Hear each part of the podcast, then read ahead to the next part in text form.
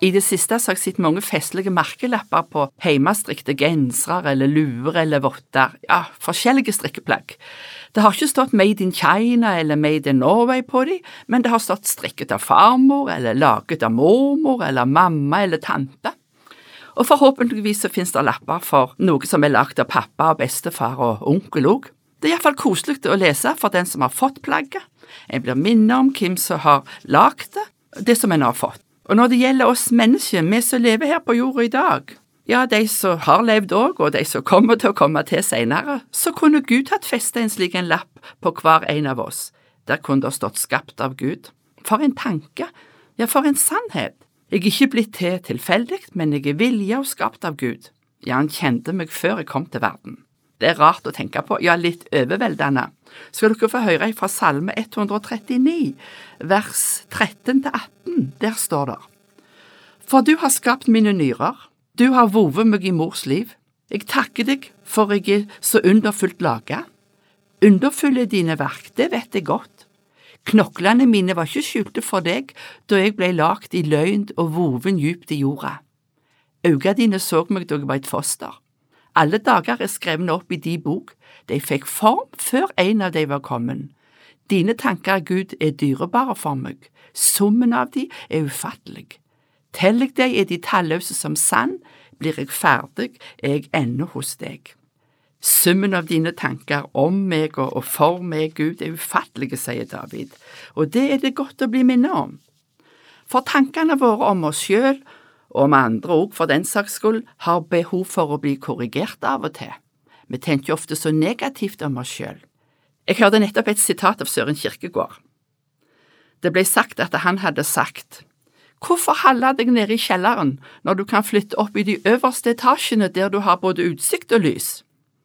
Vi trenger hjelp av og til til å komme opp.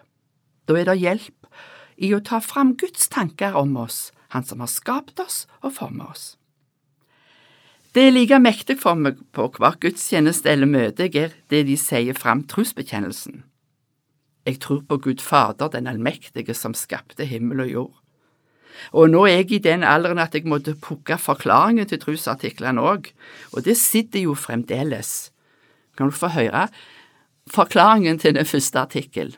Jeg tror at Gud har skapt meg og alle skapninger. Han har gitt meg lekam og sjel, vet og alle sanser.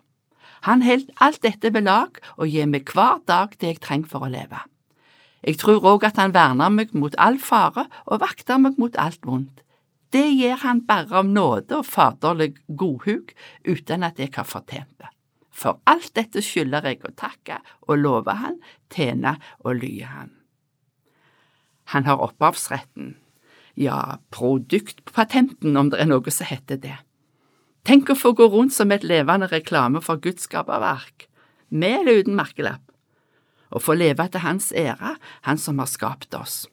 Vi synger det i en sang der koret er sånn, Jeg vil gjøre mitt liv til en lovsang til deg, la hver tone en hyllest til deg være. Og i dager med glede og i dager med sorg vil jeg leve mitt liv til din ære. Det gjelder for hverdagene våre og for festdagene. Jeg har et flott eksempel fra Peru som jeg vil ta fram i dag. Det er et lite stykke fra ei bok av en som heter Asle Jøssang, og boka heter Vinden blåser dit den vil. Der har han skrevet et lite stykke om en mann fra Peru, en mann som heter Raúl. Den mannen er fra ei lita bygd nord for Titicacasjøen, og det er en stillferdig og solide og trofaste mann av aymara-folket. Og så er det så nydelig skrevet om han. Nå må du høre. Når Raoul spiller på mandolinen, heter stykket. Når Raoul spiller på mandolinen, da lytter Gud. For Gud har erfaring.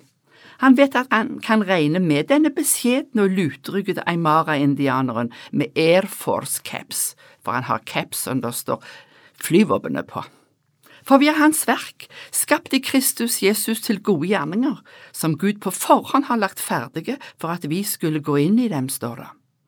Mens andre steller i stand aktiviteter av alle slag, går Raoul Mamani forsiktig rundt og treffer mennesker. Små stemnemøter som Gud allerede har regissert. Det slår meg hvor mange mennesker som forteller at den første smaken på kristentroen fikk de gjennom Raoul.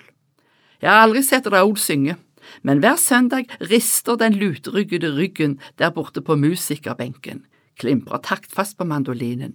Det står Jesus es el Señor på mandolinen. Jesus er Herren. Raoul gir en sikker melodiføring til de andre som forsøker å takke Gud på nye verselinjer, takke for at han kom dem i møte.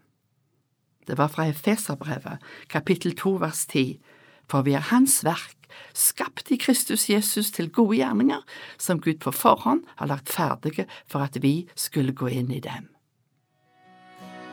Wenche Lunde var andagsholder i Over en åpen bibel i dag. Serien produseres av Norea Mediemisjon, og du kan lytte til vårt arkiv av andakter på norea.no.